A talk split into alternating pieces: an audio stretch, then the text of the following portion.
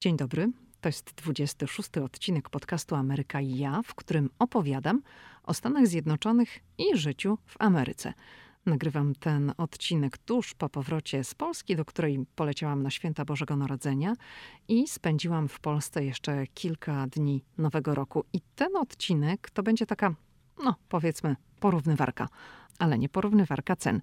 Będę porównywała, jak pewne rzeczy, pewne zjawiska, systemy funkcjonują w Stanach Zjednoczonych, a jak w Polsce. Myślę, że będzie ciekawie. No to lecimy. Ale najpierw oczywiście dżingielek. Lidia Krawczuk. Ameryka i ja. No, to już teraz wszyscy wiedzą, jak ja się nazywam i że to ja robię ten podcast, który najwyraźniej podoba się słuchaczom. Bardzo dziękuję za wszystkie recenzje w Apple Podcast, za wiadomości, które dostaję na Instagramie, na Facebooku.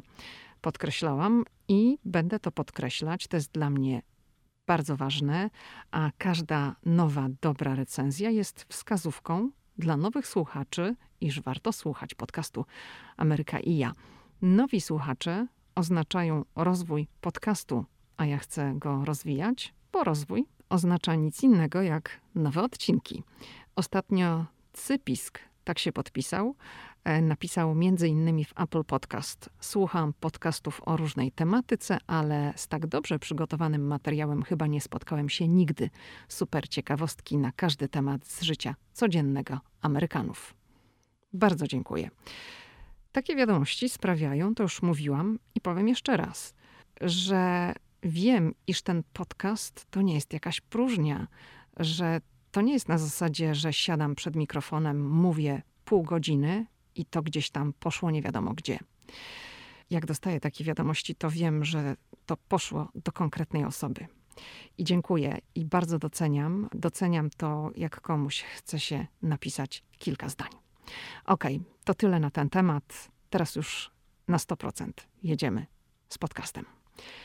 Napisałam niedawno na Instagramie, że po ostatniej wizycie w Polsce mam takie przeświadczenie, iż kurczy mi się lista tematów. I nie, nie, chcę od razu tutaj zastrzec, że to nie jest tak, że nie mam o czym mówić, no bo jeszcze trochę mam do powiedzenia. Chodzi o to, że 10 lat temu po przylocie do Polski, czyli jak poleciałam do Stanów i potem pierwszy raz poleciałam po kilku miesiącach do Polski, to mogłam wyliczać, że w Stanach jest to, tamto, siamto, a w Polsce nie ma tego, tamtego i owego. Te czasy się skończyły. Basta, koniec. Jasne, że mogą różnić się firmy, marki, ceny, lecz na ogólnym mówimy tutaj o takim konsumpcyjnym poziomie. Niczego nie brakuje ani tutaj, czyli w Stanach, bo ja teraz jestem w Stanach i w Stanach nagrywam ten podcast, ani tam, czyli w Polsce, tam gdzie byłam niedawno. Przeceny no, też są fajne w Polsce. Całkiem fajne. Teraz, jak byłam w grudniu, to jest, było bardzo dużo dobrych przecen. I tu muszę powiedzieć, że kiedy 10 lat temu, w lipcu będzie w sumie 11 lat, jak przyleciałam do USA, byłam wtedy zachwycona nieustannymi promocjami i przecenami. W Polsce tego wówczas nie było na taką skalę. Absolutnie nie. I jedną z pierwszych rzeczy, które sobie kupiłam po, po przyjeździe do Waszyngtonu, to były takie beżowe, zamszowe kozaki na skórzanej podeszwie. Bardzo fajne, no, bardzo mi się podobały. I w lipcu 2009 roku, ja to dokładnie pamiętam, zapłaciłam za te kozaki zaledwie 25 dolarów. To był dla mnie deal życia. Naprawdę. Wiem, że każdy mężczyzna, facet, który tego słucha, przewraca oczami, mówi: Boże, co ona tutaj o butach nam będzie teraz opowiadać. No dobrze, no daj mi powiedzieć, będę o butach mówiła, bo były super i byłam zachwycona tymi butami, że tylko 25 dolarów. I dostałam z powodu tych butów bardzo wiele komplementów od Amerykanek. I chcę się na chwilę przy tym zatrzymać, ponieważ Amerykanie Mm, Amerykanki, no, będę używała sformułowania Amerykanie jako Amerykanach, o ludziach, bez rozróżnienia na płeć. Czyli Amerykanie to są strasznie wielcy komplemenciarze. I ja musiałam się do tego na początku przyzwyczaić. Tu zatrzymam się przy tych butach. No, wyszłam do takiego jednego sklepu gdzieś tam. To było nawet chyba w Chicago. I miałam te buty na sobie. Kupiłam je latem, jesienią byłam w Chicago, wchodzę do jakiegoś sklepu, sobie coś oglądam i pani do mnie mówi, że jej się podobają moje buty, że one są świetne. To były właśnie te za 25 dolców, które kupiłam na jakiejś przecenie latem. Kto w środku lata, gdzieś tam w lipcu, jak w Waszyngtonie, po prostu można umrzeć z gorąca, kupuje sobie kozaki, tak? No ja, bo ja przyleciałam z Polski i były za 25 dolarów, to sobie je kupiłam, były super. No i przyszedł czas, że mogłam te kozaki sobie założyć. I byłam w Chicago w jakimś sklepie i ta pani mówi mi komplement, że są takie super. A ja wtedy pamiętam, pomyślałam sobie, a, oni to już tu mają te opracowane systemy sprzedaży, chce mi coś wcisnąć, mówi mi, że mam fajne buty, żeby mnie zagadać, bo zaraz będzie chciała mi coś sprzedać. Ona nic mi nie chciała sprzedać. Ja po prostu wtedy nie byłam przyzwyczajona, że w Stanach ludzie mogą powiedzieć ci komplement dotyczący twojego stroju, że masz coś ładnego na sobie bez powodu. I ta ekspedientka nie zrobiła tego, dlatego że powiedziała, o masz fajne buta, może zobacz tutaj, może taka torebka do tego. No nie, absolutnie nie. Po prostu jej się podobało i mi to powiedziała. I ja się tego w Stanach nauczyłam, że warto mówić ludziom komplementy, że warto powiedzieć coś komuś, jak ktoś coś ma fajnego, że mi się to podoba. Bo to są właśnie te sprawy, kiedy tworzymy takie przyjemne relacje międzyludzkie, że, że coś jest fajnego i też się czasem nauczyłam. Też mi się zdarza, że jak widzę kogoś, jesteśmy gdzieś w sklepie, ktoś ma coś fajnego, nie wiem, jakąś torebkę, coś, co mi się podoba, to ja powiem. Ale tego nauczyłam się w Stanach. To była taka dygresja na temat komplementów, które mm, prawi się w Stanach i tego, że ludzie po prostu są uprzejmi. Mówiłam o tych wyprzedażach i o promocjach. I teraz też w Polsce ja to widzę, że jest mnóstwo wyprzedaży i przecen. Ja wiem, że niektórzy mówią, ale to nie jest tak jak w Ameryce i tak dalej. No, ja przynajmniej w tym okresie świątecznym to nie widziałam jakiejś wielkiej różnicy. Naprawdę można było w Polsce kupić dużo dość fajnych rzeczy w rozsądnych cenach. No wiadomo, że to są inne marki, są inni producenci, ale ja to odebrałam tak, że ten system sprzedaży i wyprzedaży robi się bardzo podobny do tego, który obowiązuje w Stanach. I tak jak powiedziałam na, na, początku, że trochę mi się tutaj kurczy ta lista tematów, że kiedyś jak przyjechałam, to mówiłam, a że w Stanach jest to, to, to, a w Polsce nie ma tego, tego i tamtego. To ostatnio w Polsce widziałam coś, czego nigdy w życiu nie widziałam w Stanach. Mianowicie widziałam w Polsce jajomat. Byłam w Szczecinie w centrum handlowym, które nazywa się Molo. O ile dobrze mówię, bo tam ta nazwa się zmieniała. To się chyba teraz Molo nazywa. Przy ulicy Mieszka I w Szczecinie. To będzie wiadomo, jak ktoś jest ze Szczecina, co ja mam na myśli. I tam w ramach tego centrum jest Carrefour, hipermarket. I przy jednym z wejść stały jajomaty. I ja czegoś takiego nigdy nie widziałam w Stanach. To znaczy w Stanach jest pełno tego typu urządzeń. To się nazywa po angielsku vending machine, czyli wrzuca się tam monetę i, no i po wrzuceniu monety ta szafa, ta maszyna wypluwa to, co tam chcemy sobie wyciągnąć. Najczęściej są to jakieś napoje, przekąski, tego typu rzeczy. A w Polsce zobaczyłam jajomat, jakiego w Ameryce nigdy, ale to nigdy wcześniej nie widziałam. Może gdzieś są, ale ja nie widziałam. Także jajomat po raz pierwszy zobaczyłam w Polsce, a nie w Stanach. I skoro mówię o sklepach, to jeszcze o takich różnicach opowiadając, to pierwsza rzecz, która od razu mi się rzuciła w oczy, ale to po przylocie do Stanów, to jest to, że kasjerzy w hipermarketach w Stanach stoją, a nie siedzą. W Polsce każdy kasjer siedzi sobie tam na krzesełku obrotowym naj, najczęściej, prawda? W Stanach kasjer stoi. Ja nie widziałam nigdy w żadnym z marketów, chyba w Stanach, żeby kasjer siedział. Te wszystkie, które ja odwiedziłam, to, to zawsze ci ludzie pracują na stojąco, a nie na siedząco, tak jak w Polsce. I jeszcze taka jedna rzecz. W Polsce to wszystkie koszyki, z którymi wchodzi się na teren sklepu, no to się gdzieś tam odpina wcześniej. One są albo na parkingu, albo już przy wejściu na teren marketu. Są takimi łańcuchami pospinane. I trzeba monetę wrzucić tam złotówkę, dwa złote chyba. No w zależności chyba od sklepu. W każdym razie w Stanach te koszyki nie są pospinane. One sobie stoją luzem, i, no i ludzie je odprowadzają, albo i nie, bo to zależy wszystko od okolicy, od miejsca, od sklepu.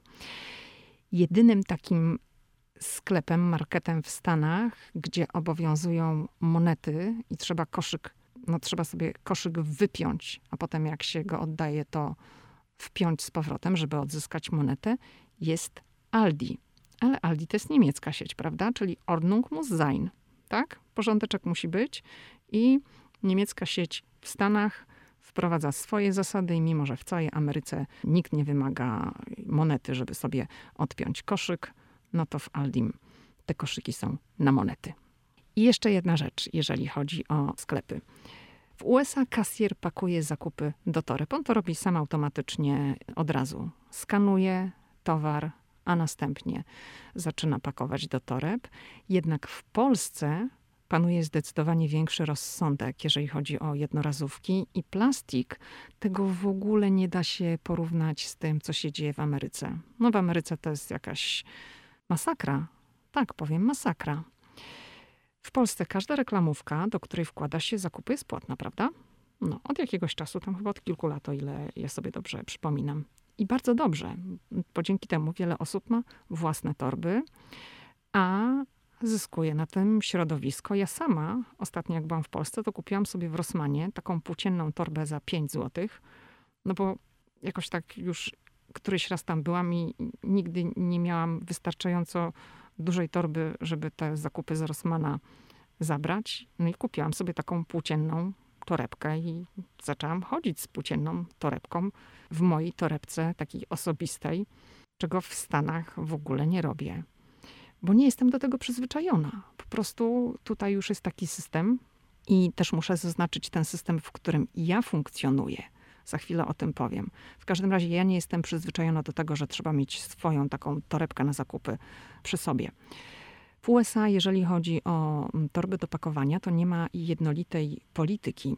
Wszystko zależy od stanu. No jak to w Ameryce, tak? Jak czasem ktoś mnie zapyta, a powiedz, jak to jest w Stanach? I tam pada pytanie. A ja zawsze muszę powiedzieć, ale gdzie? Bo im dłużej tu jestem, tym bardziej jestem ostrożna, jeżeli chodzi o takie uogólnienia. Jasne, że w pewnych kwestiach można uogólnić, ale w wielu nie bardzo, bo tutaj wiele kwestii jest regulowanych na poziomie stanu. I pewne rzeczy po prostu się różnią w zależności od tego, kto w jakim stanie żyje.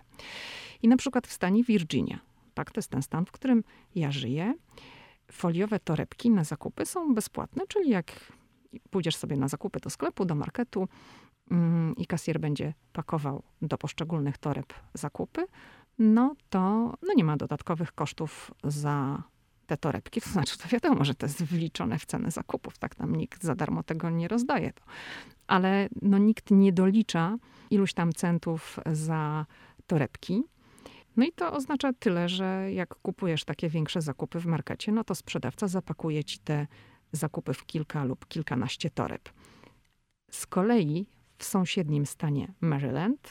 To jest bardzo blisko, no, jeżeli ja chcę pojechać do stanu Maryland. Ja mieszkam w takim miejscu, gdzie się przenikają dystrykt Kolumbii, stan Virginia i stan Maryland, czyli tam kilka minut i mogę być, kilkanaście minut i mogę być w stanie Maryland, to już za tego typu torby na zakupy płaci się. I w USA są sieci sklepów, które prowadzą własną politykę w tej kwestii, na przykład Whole Foods to jest taki market ze zdrową żywnością, no bardzo popularny market w Stanach Zjednoczonych. Obecnie właścicielem tego marketu jest Amazon. Amazon kupił Whole Foods chyba dwa lata temu albo rok temu. No w każdym razie to jest dosyć, powiedzmy, taka świeża sprawa. Tam jest sprzedawana żywność organiczna, tam się coli nie kupi. I właśnie w tej sieci Whole Foods zakupy pakowane są wyłącznie do papierowych toreb, Podobnie jest w sieci Trader Joe's. Ale to są wyjątki, powiedziałabym. Ogólnie rzecz biorąc, w USA produkuje się zatrważającą ilość plastiku. Amerykanie uwielbiają jednorazowe plastikowe łyżeczki, noże, widelce lub talerze. Talerze mogą być też papierowe i, i często na przykład jak jest jakaś impreza, to to właśnie taka na stojąco, gdzieś tam jakaś prywatka, to, to papierowe talerze lecą. Wszystko leci takie jednorazowego użytku. Jeszcze weźmy na tapetę Starbucks. Wiadomo, sieć kawiarni. I w USA kawa podawana jest w tej kawiarni, rzecz jasna, w papierowym kubku.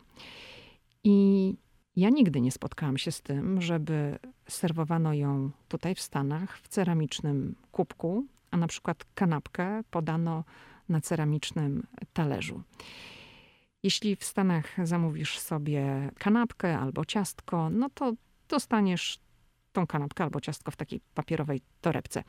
I mnie bardzo podobała się w Polsce opcja ceramicznego kubka i ceramicznego talerza, a do tego klasyczne sztućce. Hello! No, tego tutaj nie widziałam. Nie wiem, czy to zależy od franczyzobiorcy i czy tak jest w każdym Starbucks w Polsce. No bo wiadomo, nie byłam w każdym Starbucks w Polsce i w Ameryce.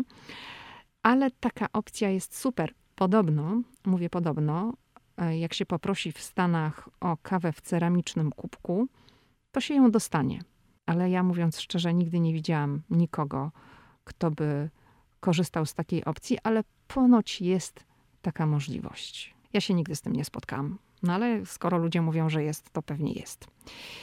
I jeśli chodzi o sklepy, to jeszcze muszę zatrzymać się tutaj przy dostępie do wysokoprocentowego alkoholu w supermarketach. I to jest też bardzo zróżnicowane w zależności od przepisów, które obowiązują na terenie danego stanu. Na przykład tutaj w Virginii, gdzie ja mieszkam, to w markecie, no to można kupić napoje alkoholowe, ale takie niskoprocentowe. Czyli w grę wchodzą wina, w grę wchodzi piwo. Jeżeli chce się kupić wysokoprocentowy alkohol, no to trzeba już iść do sklepu, który zajmuje się sprzedażą takiego wysokoprocentowego alkoholu. Na przykład w stanie Pensylwania to mogę tutaj przytoczyć, bo jeździłam tam swego czasu dosyć regularnie, bo tam mieliśmy przyjaciół, którzy już tam nie mieszkają, się wyprowadzili. I tam w hipermarkecie nie było w ogóle mm, ani wina, ani piwa. Po alkohole trzeba było jeździć do sklepów, do sklepów, które oczywiście mają koncesję, i tylko tam można było kupić alkohol. Ale jeszcze mi się przypomina taka jedna rzecz ze stanu Georgia. Tam to już w ogóle było bardzo ciekawie. Otóż w Georgii kilka lat temu, ja nie wiem, czy to jest tak dalej, bo przepisy mogły się zmienić, ponieważ czytałam, że no, rozmawiano na temat zmiany tych przepisów i nie wiem, czy się zmieniło, czy nie. Ale jeszcze kilka lat temu było tak, że alkoholu nie można było kupić w marketach w niedzielę. I pamiętam, była taka sytuacja, że pojechaliśmy do marketu z mężem i mieliśmy uczestniczyć no, w takim grillu. I Paweł postanowił kupić jakiś karton piwa. No i tam tego piwa było pełno w sklepie. Wziął, poszedł do kasy. No i pani powiedziała, że on nie może kupić tego piwa, no bo dzisiaj obowiązuje zakaz sprzedaży. I piwo było, ale nie mógł go kupić. Trzeba było odłożyć. Nic z tego. No i tam w Georgii wówczas takie zasady panowały. No i oczywiście, żeby kupić w Stanach alkohol, trzeba pokazać ID, czyli dowód tożsamości. I trzeba mieć ukończone 21 lat, żeby kupić alkohol w Stanach Zjednoczonych. I to samo jest na przykład z syropem w marketach. Zdarzyło mi się, że kupowałam jakiś syrop i kupowałam go w markecie. No, był taki dział z lekami, syrop na kaszel. I byłam przy kasie samoobsługowej. To w momencie, kiedy zeskanowałam kod kreskowy na syropie, no to kasa się zatrzymała i wyświetlił się taki komunikat, że tutaj ktoś z pracowników musi podejść. Pani zobaczyła. Nie pamiętam, czy pani poprosiła mnie wtedy o dowód osobisty, czy nie bo jak się kupi alkohol w Stanach, to trzeba pokazać dowód osobisty, niezależnie od tego, ile ma się lat. I no, przy kupowaniu syropu na kaszel również ten cały system kasowania się zatrzymuje, bo dzieci, młodzież nie mogą sobie kupować od tak syropu na kaszel. No bo jak wiadomo, niektórzy używają syropu na kaszel w innych celach niż leczenie kaszlu. Dobrze. No to chyba tyle o tych sklepach chciałam powiedzieć. Jeszcze o piwie mówiłam, to teraz też myślę sobie, że dodałabym, że w Stanach ogólnie dużo piwa się pije. Pije się mniej, moim zdaniem, wysokoprocentowego alkoholu. I oczywiście takich nietrzeźwych osób, jak w Polsce się widuje, to w Stanach się tak nie widuje. Mówię o dużych miastach. Natomiast no, dużo tych kartonów piwa rzeczywiście w Stanach schodzi i, i to widać nawet jak ludzie robią zakupy.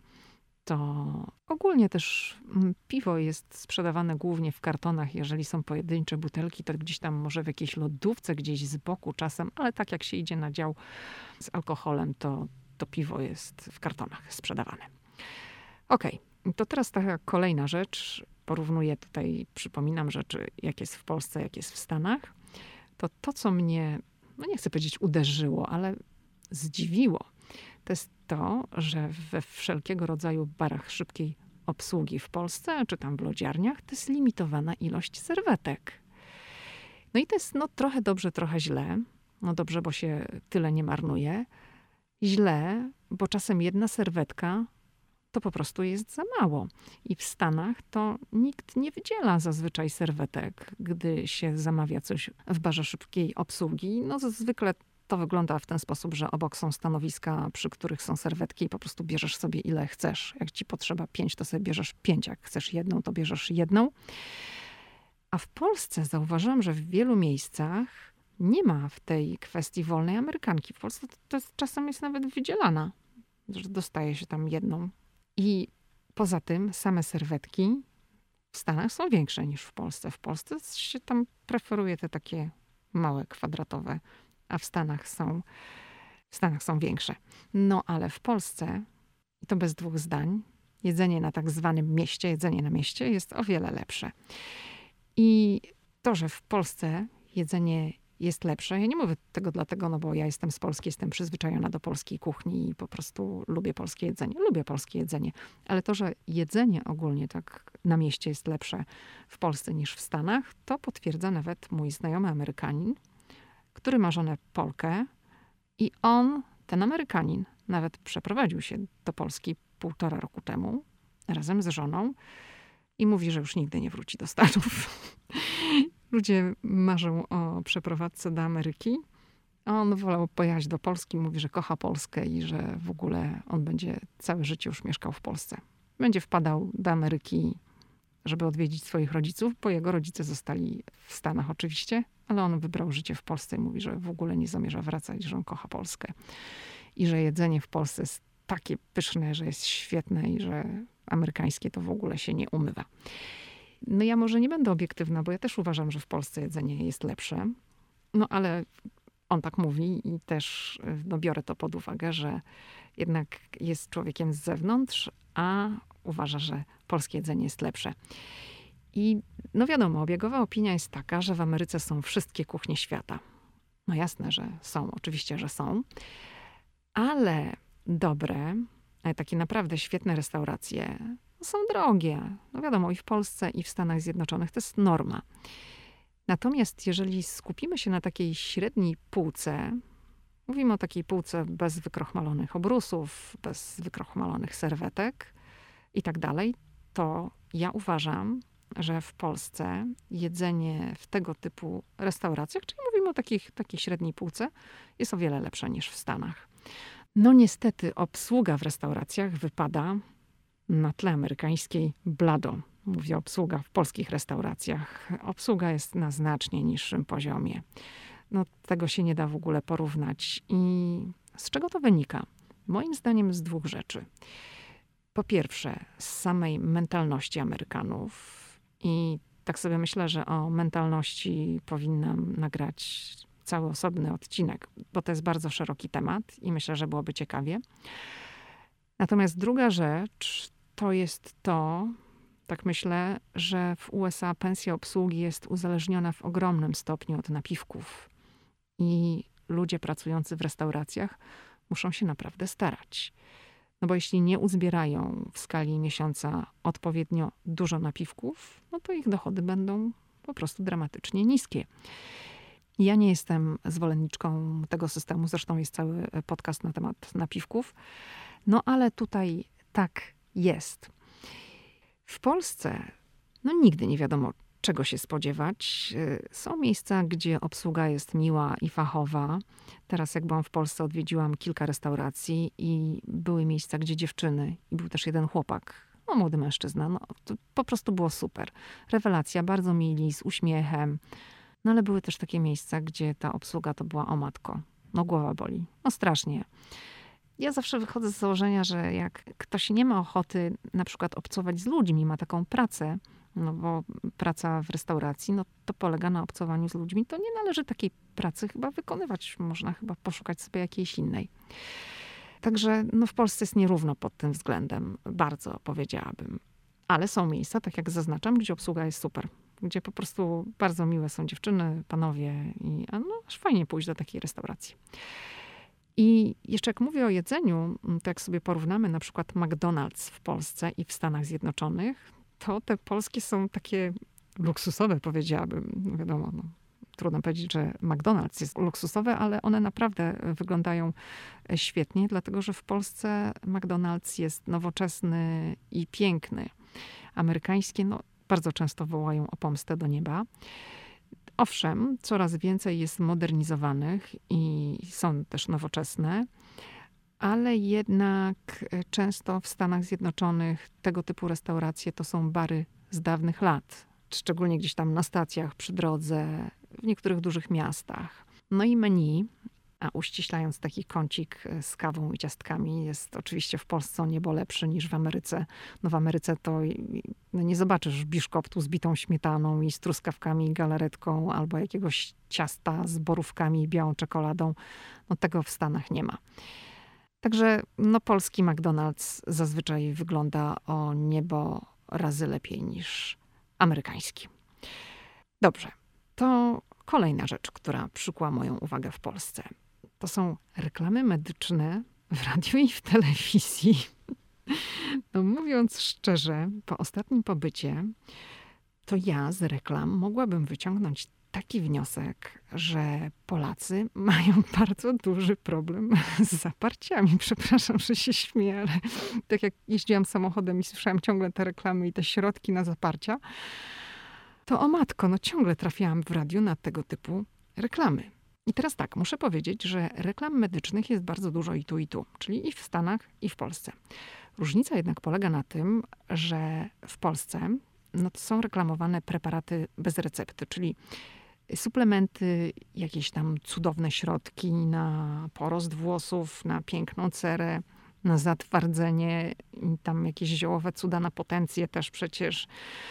Natomiast y, w Stanach Zjednoczonych emitowane są reklamy z lekami na receptę.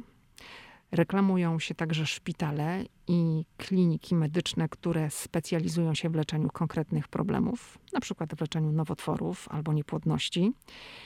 Mało tego, reklamowane są również poszczególne procedury medyczne, na przykład laserowe leczenie bólu kręgosłupa w jakiejś tam konkretnej placówce medycznej. No natomiast w Polsce, to tak jak mówiłam, miałam wrażenie, że zaparcie to jest największy problem Polaków. Bardzo dużo słyszałam w radiu tego typu reklam i nawet była jakaś taka piosenka, to znaczy to była reklama jakiegoś preparatu na ten problem, ale ona była w formie piosenki i mnie bardzo to rozbawiło. Niestety nie mogę sobie przypomnieć. A wtedy tak sobie mówiłam, ja chyba muszę sobie to zapisać, bo od razu mnie to uderzyło. Bo ja już mam coś takiego, że jak patrzę na pewne rzeczy i tu i w Stanach, to ja często sobie zapisuję, o, muszę o tym napisać na blogu, albo powiem o tym w podcaście i wiedziałam, że ja chcę powiedzieć o tym w podcaście, ale nie zapisałam sobie tytułu, ale jest jakaś taka piosenka o jakichś środkach na, na zaparcia. Dobrze, to już kończę ten temat. Teraz chcę porozmawiać o czystości. To znaczy, no, co to będzie za rozmowa? Ja będę mówić, a ty będziesz słuchać. To nie będzie rozmowa, ale no, powiedzmy, że ty albo mi przyznasz rację w myślach, albo nie. Psie odchody na ulicach. Bardzo się poprawiło. Bardzo, uważam, ale oczywiście nie ma ideału. Muszę jednak podkreślić, że zmiana jest gigantyczna. Jeszcze dekadę temu w moim rodzinnym Szczecinie był to wielki problem i myślę, że nie tylko w Szczecinie. I pamiętam ten okres, gdy pracowałam w lokalnym radiu w Szczecinie. Ja pracowałam kiedyś w publicznym radiu w Szczecinie, czyli w Polskim Radiu Szczecin. I słuchacze dzwonili właściwie non-stop skarżąc się na zabrudzone chodniki, parki. Była wtedy w radiu taka automatyczna sekretarka, która nagrywała te wszystkie telefony i tych telefonów było mnóstwo. No ludzie dzwonili, prosili, niektórzy krzyczeli, żądali, wymagali. No wiadomo, jak tam niektórzy mają taki charakter i są zdenerwowani, to muszą sobie wykrzyczeć chociaż do słuchawki, mimo że to jest automatyczna sekretarka. W każdym razie powiedzmy, że prosili. Prosili, żeby naciskać na władze miasta, no żeby władze były bardziej restrykcyjne względem osób, które nie sprzątają po swoich psach. Ja teraz nie jestem pewna, nie wiem, czy, czy obecnie właściciel psa, który, psa, który załatwi się na ulicy, odważy się nie posprzątać po swoim psie w momencie, mówię w takim momencie, kiedy widzą to inni ludzie. No teraz każdy, każdemu może zrobić zdjęcie, może też zadzwonić do Straży Miejskiej, te telefony i media społecznościowe to jest narzędzie w kieszeni, prawda? Jest cyk, cyk i dowód jest, on tam leci sobie SMS-em czy mailem. I kiedy przyjechałam do Stanów, to bardzo mi się podobało, że ulice są czyste i że ludzie sprzątają po swoich psach. No ale wiadomo, ludzie są tylko ludźmi i tutaj też. Tutaj też czasem się zdarzy, że ktoś nie wywiązuje się ze swojego obowiązku i na ulicy leży psie, no nie powiem co. Natomiast w Polsce uważam, że jest wielka zmiana na plus, natomiast nadal to bardzo dużo zależy od okolicy i dzielnicy, niestety. Bo tak jak mówię o Szczecinie, no w Krakowie też byłam teraz e, podczas tego pobytu, to w Szczecinie widzę, że to e, zależy dużo od, od dzielnicy. Natomiast w Krakowie poruszałam się powiedzmy w takich obszarach, gdzieś tam w centrum, przy rynku, no to nie natrafiłam, nie widziałam E, żeby było brudno i żeby, mówię tylko o tym obszarze, żeby tam w tym obszarze był jakiś problem. Kolejna rzecz to jest palenie papierosów na ulicy. I ja będę mówiła o tym paleniu papierosów w kontekście Waszyngtonu, bo jednak no, tutaj najwięcej się poruszam i no, na ten temat mogę najwięcej powiedzieć, chociaż no tak ogólnie Dobrze, to najpierw może o Waszyngtonie. To ja o Waszyngtonie powiem tyle, że ja jakoś tutaj nie pamiętam, kiedy ostatni raz widziałam kogoś na ulicy, żeby szedł i palił. Nie, nie, przypominam sobie. Może tam gdzieś może ktoś stoi, podpala, to tak, ale tak idzie sobie człowiek ulicą tam kilkaset metrów i, i pali, to ja sobie takiego czegoś nie przypominam. W Polsce natomiast no, ciągle są ludzie, no widziałam mnóstwo ludzi, którzy po prostu spacerują ulicą, idą i palą. No i kwestia niedopałków na ulicach, na chodnikach e, mówi sama za siebie. Bardzo jest tego dużo. Ja tego w Szczecinie widziałam dużo i widziałam tego również dużo w Warszawie, jak byłam rok temu. To też rzuciło mi się to w oczy, że było sporo tych niedopałków. I ja nie twierdzę, że Amerykanie nie palą papierosów. Absolutnie, palą. Natomiast w Stanach Zjednoczonych to są o wiele większe restrykcje niż w Polsce. Istnieje bardzo dużo ograniczeń. I jeśli Amerykanie palą, to palą często gdzieś tam w zaciszu własnych domów, bo bardzo często w przestrzeni publicznej palić nie można. No wiadomo, w restauracjach, barach i kawiarniach to już w ogóle absolutnie to nie wchodzi w grę i nie można palić. Ja na przykład mieszkam w budynku bardzo restrykcyjnym, jeżeli chodzi o palenie. Tutaj w ogóle nie można palić na terenie budynku. W mieszkaniu nie można palić, nie ma na terenie budynku żadnej wyznaczonej palarni. I teraz, za kilka tygodni, wchodzi zakaz palenia nawet na balkonie. Bo do tej pory można było palić na balkonie, czyli jeżeli ktoś mnie odwiedził, ktoś, kto pali papierosy, a zdarzali się tacy goście, i to byli najczęściej goście z Polski, mm, no to oni mogli usiąść na balkonie i zapalić papierosa. Teraz już nie będzie można tego zrobić nawet na balkonie. Absolutnie w ogóle. Całkowity zakaz palenia papierosów. I jeszcze kilka lat temu, tutaj w Stanach, jak się kupowało ubezpieczenie zdrowotne, to odpowiadało się na masę pytań dotyczących stanu zdrowia. I palacz, no to wiadomo, zawsze jest w grupie podwyższonego ryzyka. I to była podstawa do wyższej stawki za ubezpieczenie. Firma ubezpieczeniowa mogła również odmówić ubezpieczenia palaczowi, zwłaszcza starszemu. I obecnie już tego typu formularzy się nie wypełnia. Zmieniła to wprowadzona za czasów Baracka Obamy reforma ubezpieczeń zdrowotnych. To znaczy, jest pytanie o palenie, natomiast już ten formularz, taki bardzo szeroki, z mnóstwem pytań, to już nie obowiązuje tak jak kiedyś. No, na pewno tego typu działania to zniechęcały do sięgania po papierosy i zachęcały do zerwania z nałogiem, ale tutaj, jeżeli chodzi o ubezpieczenia zdrowotne, to um, ubezpieczenia zdrowotne w Stanach to jest cały podcast i zachęcam do posłuchania, jeśli nie znasz tego odcinka. To jest jeden z pierwszych odcinków, to jest odcinek numer 3. I ktoś, kto nigdy nie miał styczności z amerykańskim systemem ubezpieczeń zdrowotnych, no, będzie w szoku. A jak nie w szoku, to bardzo się zdziwi, gdy posłucha, jak to tutaj funkcjonuje i jak to tutaj wygląda. Tak ogólnie rzecz biorąc, na amerykańskiej ulicy, mówię w Waszyngtonie i mówię o tej takiej części biurowej, federalnej, też turystycznej, to można odnieść wrażenie, że, że się tutaj nie pali. Okej, okay. to jeszcze jedna rzecz. O chlebie będę mówić. Nie o niebie, o chlebie. To muszę powiedzieć i to z bólem, że w Polsce to już nie jest ten sam chleb, co kiedyś. Naprawdę. No, kiedyś każdy chleb, właściwie obojętnie z jakiego sklepu, był po prostu dobry, tak? No teraz to po dobry chleb w Polsce trzeba pójść ekstra do jakiejś wybranej piekarni i za niego nieźle zapłacić. To już nie są te czasy, że szło się do sklepu z połem i, i chleb był dobry. I jak mówię o chlebie, to, to muszę wspomnieć o takiej, takiej jednej rzeczy. To już taka anegdotka właściwie jest. Otóż w jednym ze sklepów na Greenpointie w Nowym Jorku, tuż przy stanowisku, przy którym sprzedawca kasuje towar, wisiała taka kartka formatu A4, na której było napisane drukowanymi literami: Tak, chleb jest świeży. I wykrzyknik. I mówię o tym w czasie przeszłym, bo o ile mi wiadomo, tego sklepu już nie ma, on został zlikwidowany.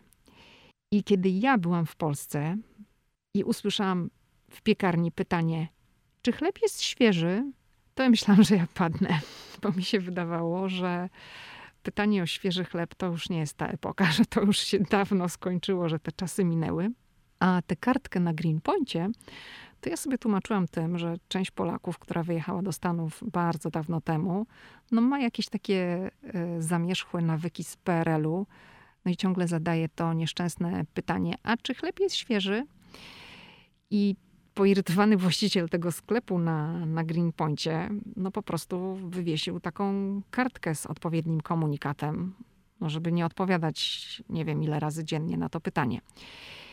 I Trudno mi powiedzieć, czy to jest standard, czy Polacy nadal pytają o świeży chleb. Natomiast gdy ja usłyszałam to pytanie, no bardzo mnie ono rozbawiło. No i natychmiast pomyślałam sobie o tym sklepie na Greenpointie, którego, którego już nie ma. Ale chleb jako chleb uważam, że bardzo w Polsce stracił. Kiedyś pamiętam, jak się kogoś pytało, kogoś, kto mieszka za granicą, za czym tęskni, to bardzo często padała odpowiedź, że za polskim chlebem. Teraz to już chyba nie ma za czym mówię o tym chlebie, bo ja w tej chwili nie, nie tęsknię w Stanach za, za polskim chlebem, bo w Stanach też można kupić bardzo dobry chleb. W tym sklepie, o którym wspominałam wcześniej, w tej sieci Whole Foods, gdzie sprzedawana jest zdrowa żywność, jest bardzo duży wybór chleba i no, chleb tam jest bardzo dobry.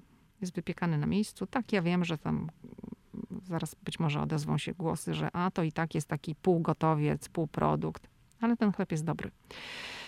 E, I tam jest duży wybór pieczywa i, i to nie jest tak, że jak pojadę do Polski, mówię, o Jezus, jaki tu jest chleb dobry, w Ameryce takiego nie ma, bo to też tak nie ma, że wchodzi się, tak jak mówiłam, do pierwszego lepszego sklepu i chleb jest super. No, tak patrzę. O, trochę powiedziałam. To już chyba za 40 minut będzie. Tak mi się wydaje. Jeszcze trzeba wziąć pod uwagę edycję. Coś tam się wytnie, coś tam się wygładzi i będzie, myślę, że za 40 minut podcastu.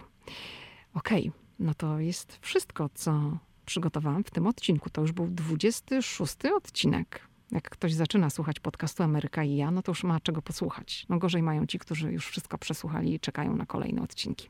No ale będziemy nagrywać. Okej, okay, no dobrze, to kolejny jak zwykle we wtorek. Do usłyszenia.